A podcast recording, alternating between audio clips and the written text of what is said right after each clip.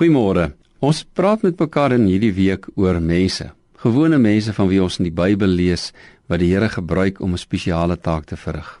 Ek wil jou graag vanmôre voorstel aan 'n sakevrou. 'n Vrou wat besigheid gedoen het en haar materiaalwinkel was pers, ideale kleur vir haar. Sy is Lydia. Lydia, die purperverkoopster. Sy was 'n Griek, maar as gevolg van haar geestelike passie het sy begin soek en uiteindelik van die heidendom tot die Joodse geloof oorgegaan. En toe vind daar 'n baie spesiale ding in haar lewe plaas. Ons lees daarvan in Handelinge, Handelinge 16. Dit was die eerste geleentheid wat Paulus gepreek het in Europa.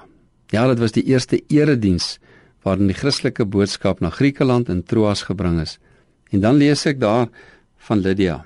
Ons het gaan sit en met die vroue gepraat wat daar by mekaar was. Een van hulle wat geluister het, was 'n vrou met die naam Lydia wat die Joodse geloof aangeneem het.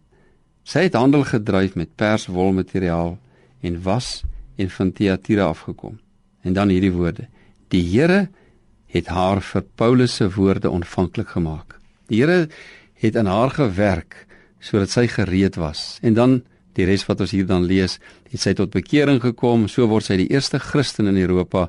En die volgende ding wat sy gedoen het, sy het na haar huisgesin gegaan en hulle is oortuig en so word hulle die eerste dopelinge in Europa. En dan lees ons daar verder, het sy haar huis oopgemaak vir die sendeling sodat die werk kon voortgaan.